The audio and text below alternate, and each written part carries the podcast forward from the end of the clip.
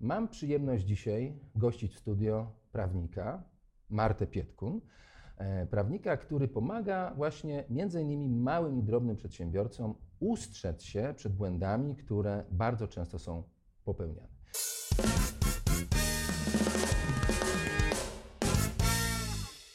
Wróćmy jeszcze na pole mm, przedsiębiorca-przedsiębiorca. Dwie strony. E, Powiedz mi, czy z Twojego doświadczenia e, radcy prawnego zauważyłaś coś takiego, że trochę inaczej ja jako przedsiębiorca jestem odbierany przez drugą stronę, jeżeli mam prawnika? Czy to pomaga? Myślę, że tak. Y, To też zależy, w jaki sposób się podchodzi, bo jeżeli się tym prawnikiem straszy, tak, się tutaj robi groźne miny, no to może to być złe wrażenie. Natomiast y, jeżeli się podchodzi do tego rozsądnie i, i też ten prawnik wie, na czym nam jako przedsiębiorcy zależy, bo on też musi wiedzieć, czy nam zależy na tym, żeby ugrać jak najniższą cenę, czy zależy nam na tym, żeby w ogóle podpisać umowę z tym klientem, należy to prawnikowi przed, przed takimi negocjacjami powiedzieć. Nie, Na pewno taka osoba jest postrzegana bardziej profesjonalnie. Na pewno dobrze to o niej świadczy, tak? że, że myśli, że dba o swoje interesy. Mhm. Tylko tak jak mówię, trzeba wszystko zrobić ze zdrowym rozsądkiem, bo czasami Mhm. w sytuacjach szczególnie konfliktowych, jeżeli przychodzimy z prawnikiem, to to może drugą stronę tak bardzo źle do nas nastawić. Tak? Ale to wszystko jest kwestia ustalenia, Mhm. dogrania, dogadania z prawnikiem. Okej. Ostatnio rozmawialiśmy tutaj z Piotrem na temat etyki w biznesie i na temat takiego zjawiska jak niepłacenie swoim kontrahentom. No i teraz pytanie, czy posiadanie prawnika może powoduje to, że druga strona lepiej płaci, jeżeli wie, że my jesteśmy reprezentowani przez prawnika? Czy jakie są Twoje doświadczenia w tym obszarze akurat? Często spotykam się z tym, że klienci chcą, żeby skonstruować taką umowę, żeby ich absolutnie w 100% zabezpieczyć, że, że y, ta płatność będzie, tak, albo się nie wydarzy to złe, co mogłoby się wydarzyć. Y, Nie da się bardzo często skonstruować takiej umowy, która w 100% zabezpieczy. Tak? Ryzyko zawsze istnieje. Jeżeli ktoś będzie chciał nas oszukać, to nas po prostu oszuka. Natomiast prawnik może pomóc, żeby wyjście z tych kłopotów było łatwiejsze i sprawniejsze i szybsze. Jest też w stanie przewidzieć, zanim jeszcze te kłopoty się pojawią, co może się stać, tak? Pokazać na pewne ryzykowne y, postanowienia, na przykład w umowie, tak? E, Też na pewno jest tak, nie, w- nie we wszystkich przypadkach, ale w części, że wezwanie do zapłaty wysłane z pieczątką radcy Mhm. prawnego y, powoduje, że ta płatność rzeczywiście następuje, tak? Ale też mówiłaś, że prawnik powinien, znaczy pomaga zapobiegać pewnym rzeczom. Czy na przykład prawnik mógłby pomóc przedsiębiorcom w zbadaniu kontrahenta? Jasne, jak najbardziej, tak. Część, część informacji jest powszechnie dostępna w internecie, natomiast y, też trzeba umieć te informacje czytać, tak? Chociażby odpis z Krajowego Rejestru Sądowego, który no, jest powszechnie dostępny, możemy sobie w każdej chwili dowolnego Mhm. e, przedsiębiorcę w ten sposób zbadać. Natomiast trzeba umieć czytać też te informacje. Tak? Czasami y, wydaje nam się, że coś jest oczywiste, ale jak prawnik na to spojrzy, to, to się okazuje, że to nie do końca. Tak? Że sprawozdanie finansowe nie było złożone albo było złożone po terminie. Prawnik też może pójść do sądu, przejrzeć całe akta, zobaczyć te sprawozdania finansowe. Tak? To jest też bardzo ważne, żeby naszych kontrahentów y, w jakiś sposób sprawdzać przed Mhm. podpisaniem umowy. I to może zrobić prawnik, Jasne. no bo my się na tym nie znamy, tak? My, my się zajmujemy robieniem biznesu po tak, prostu, tak? zgadza się. A ja zauważyłem, że część przedsiębiorców po prostu oszczędza na rzeczach, które potem mogą ich drogo kosztować. Zgadza się. Tak? Czyli tutaj polecasz, rozumiem, prawnika, który będzie doraźnie pomagał Tak, przedsiębiorcy, tak. nie w formie abonamentowej, tak? tylko doraźnie. Ale ja bym tutaj wrócił jeszcze do jednej bardzo ważnej kwestii. Często się spotykam z taką sytuacją, że na przykład jest podpisana umowa, jakakolwiek ona by nie była. Ale jeżeli na przykład jest jakaś sprawa konfliktowa czy coś, to nie można jej znaleźć, tej umowy. No i teraz pytanie o dbałość o dokumenty. Jakie są Twoje To doświadczenia to w tej, tej materii? Gdzie je trzymać? Czy to prawnik powinien mieć? Czy to u nas powinno być? Jak to, nie wiem, czy skany mogą być na przykład? To nie? jest, to jest częsty problem, szczególnie małych przedsiębiorców, którzy zaczynają działalność, kiedy oni muszą być e, i biznesmenami, i księgową, i prawnikiem, i, Mhm. i wszystkim po trochu, tak? I, I zajmować się logistyką, i spedycją, i to wszystko na nich, na nich spada, co powoduje, że często nie dbają o dokumenty, po prostu gubią je, nie wiedzą, jak je przechowywać. Y, Ja zawsze polecam, żeby na przykład dokumenty sobie skanować do komputera i przechowywać je na jakimś zewnętrznym dysku, gdyby na przykład Mhm. komputer nam A w sieci, czy jest tak. bezpieczne na przykład na, Y- na, na dysku w chmurze gdzieś? Czy ja, rekomendujesz ja, ja nie polecam tego. Dlaczego? Tak? Po pierwsze dlatego, że y, nie do końca mamy gwarancję, że nikt się nam do tego nie włamie. Tak? No, o Mhm. ile jesteśmy małym zakładem, no to nie sądzę, żeby ktoś y, tutaj miał zakusy na nasze dokumenty. Mhm. Natomiast też wątpliwa jest kwestia ochrony danych osobowych w chmurze. To jest taki bardzo temat Mhm. ostatnio się pojawiający. Nie zalecałabym jednak tej chmury. Rozumiem, Lepiej czyli dysk sobie zewnętrzny. Kupić Mhm. dysk zewnętrzny, zgrywać raz na jakiś czas nawet dokumenty z komputera. Tak ja na przykład tak robię, w, że, że Mhm. raz na dwa tygodnie jakiś czas, tak, tak? tak, Mhm. jest robione, no bo komputer może się zepsuć, zdarza Mhm. się, prąd, prąd nam wyłączą, tak, różne Mhm. rzeczy się zdarzają. E, Dobrze jest sobie te dokumenty po prostu skanować, tak, i one wtedy zawsze będą. Jak zgubimy dokument w formie papierowej, to ten skan zawsze będzie i on e, w razie jakichś problemów, e, no może nie jest w 100% równoważny z tym dokumentem Mhm. papierowym, tak, grafolog tego podpisu na dokumencie takim zeskanowanym może mieć trudność na przykład, żeby zbadać, czy dana osoba Mhm. to podpisała, czy nie, ale na pewno jest to dla nas pewne zabezpieczenie. Będziemy mieli przynajmniej, będziemy w stanie przynajmniej otworzyć tą treść, tak? Mhm. E, Też e, jeżeli mamy podpisaną umowę z, z prawnikiem, na przykład na taką stałą obsługę, to dokumenty też związane z taką bieżącą prawną obsługą y, może przechowywać prawnik i on wtedy to sobie odpowiednio zarchiwizuje, trzyma w odpowiednich pudłach, po, poszeregowane, popakowane, tak? Ważne jest, żeby, żeby dbać tak na bieżąco o tą dokumentację, na bieżąco ją sobie Na katalogować, bieżąco, na bieżąco systematycznie. To jest trudne ja wiem, przy to jest trudne. takiej gonitwie, ja wiem, w jakiej żyją przedsiębiorcy. E, Bo wiesz, umowy umowami, tak? To jest w miarę, w miarę proste. Ale jest jeszcze cała seria różnej korespondencji, Tak. która do przedsiębiorców Tak. dochodzi.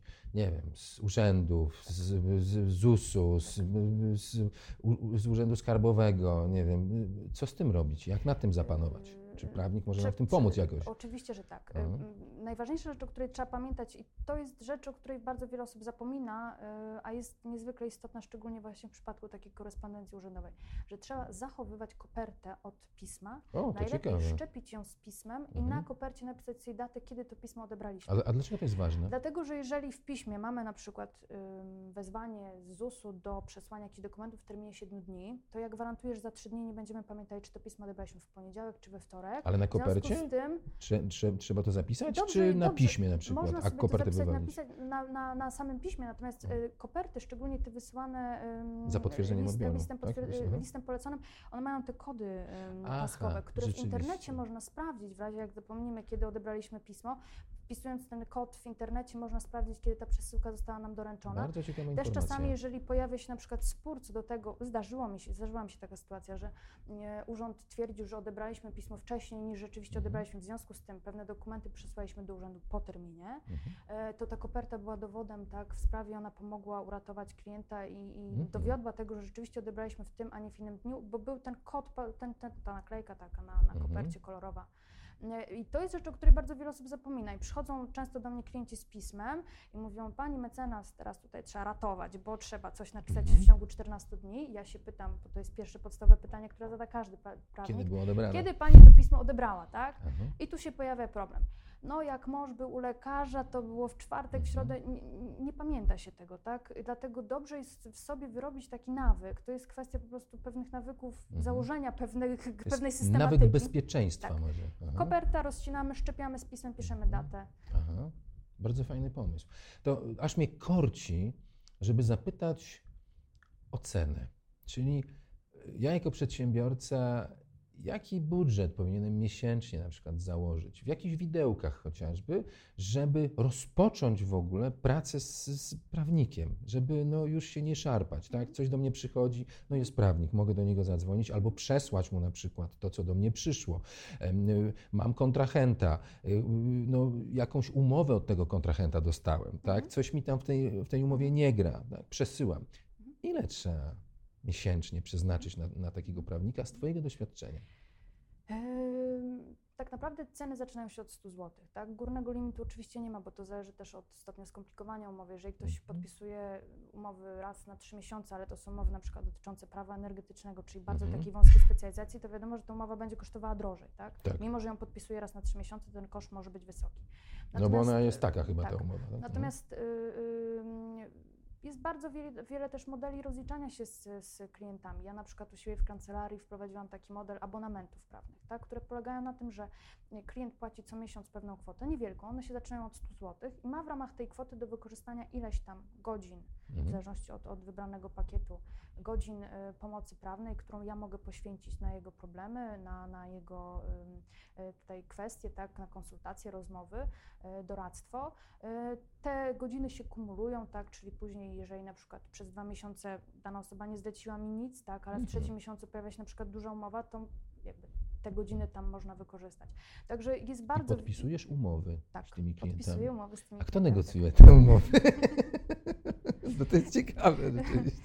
Ja negocjuję z klientem Aha. i, i, i da, da radę ponegocjować. To nie jest tak, Czyli że, klient że nie musi brać dru drugiego cennik. prawnika do tego, żeby z tobą Nie, negocjować umowę. E, e, Prawnicy e, naprawdę są otwarci Mhm. na, na potrzeby swoich klientów i są w stanie tak to dopasować, żeby Mhm.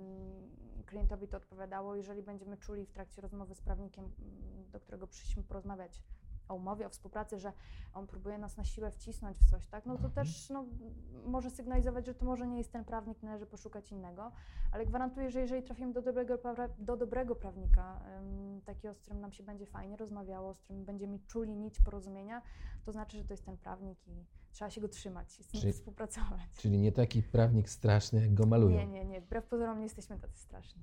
Okej. Ja bym chciał jeszcze w takim razie jeszcze jedną kwestię poruszyć, ponieważ Polacy są takim narodem, gdzie każdy Polak jest lekarzem doskonałym, jest y, świetnym prawnikiem, tak? I na wszystkim się zna generalnie. No ale te przepisy w Polsce zwłaszcza zmieniają się dość często. Są skomplikowane, są niejasne, są interpretowane w różny sposób przez różne urzędy i różne indywidua. No i teraz tak mi się wydaje, że może chociażby prawnik jest potrzebny do tego, żeby wiedzieć, co się dzieje, Też, tak? tak. żeby być na bieżąco, że e, stała współpraca z prawnikiem, który wie, z jakimi problemami my się stykamy w naszej firmie, może powodować to, że jeżeli jakiś przepis się zmieni, to ten prawnik po prostu zadzwoni do nas i mówi: Słuchaj, wczoraj się zmieniło to i to, uważaj, bo coś tam, coś tam. Tak, Tak, tak. Ja, ja tak sobie wyobrażam współpracę z prawnikiem, a nie tylko na takie powiedzmy bieżące potrzeby. Tak? Kiedy mamy prawnika, no tylko i wyłącznie proszę mi zrobić tę umowę, bo y, będzie taniej. Tak? Może według mnie.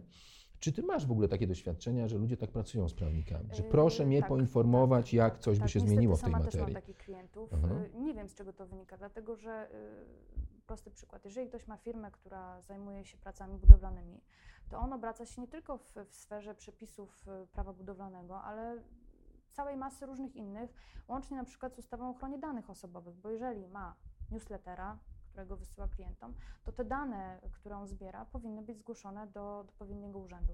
W związku z Mało tym, kto o tym wie tak, chyba, Mało kto o prawda? tym wie, tak? Więc A czym to grozi na przykład, jeżeli E, się nie Tutaj zgłosi? są, tu jest odpowiedzialność, włącznie z odpowiedzialnością karną, czyli Mhm. ta, ta odpowiedzialność jest bardzo daleko idąca.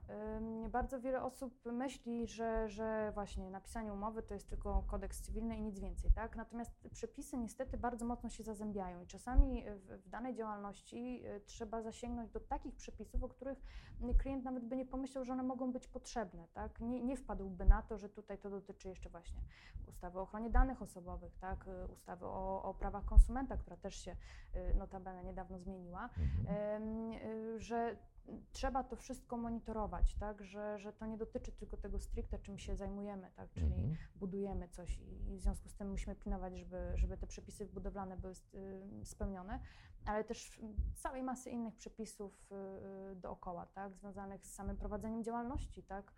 No właśnie o to Y, się czy- chciałem czy- zapytać, czy- tak? Bo y, nie wiem, czy przedsiębiorcy zdają sobie sprawę z tego, ja- jakie korzyści bądź jakie zagrożenia y, y, dają pewne formy prowadzenia działalności. Na przykład y, znam y, człowieka, który prowadził spółkę cywilną. No i jego wspólnik zginął w wypadku samochodowym. I okazało się, że nie ma możliwości prowadzenia dalej firmy. I, no, I mają problem teraz dość koszmarny. Jest, nie? I jest. teraz, czy prawnik również może e, zwrócić uwagę na takie kwestie? Czy to ma być działalność gospodarcza, czy to ma być, nie wiem, spółka komandytowa na przykład, czy to, czy to musi być jakiś wyspecjalizowany prawnik?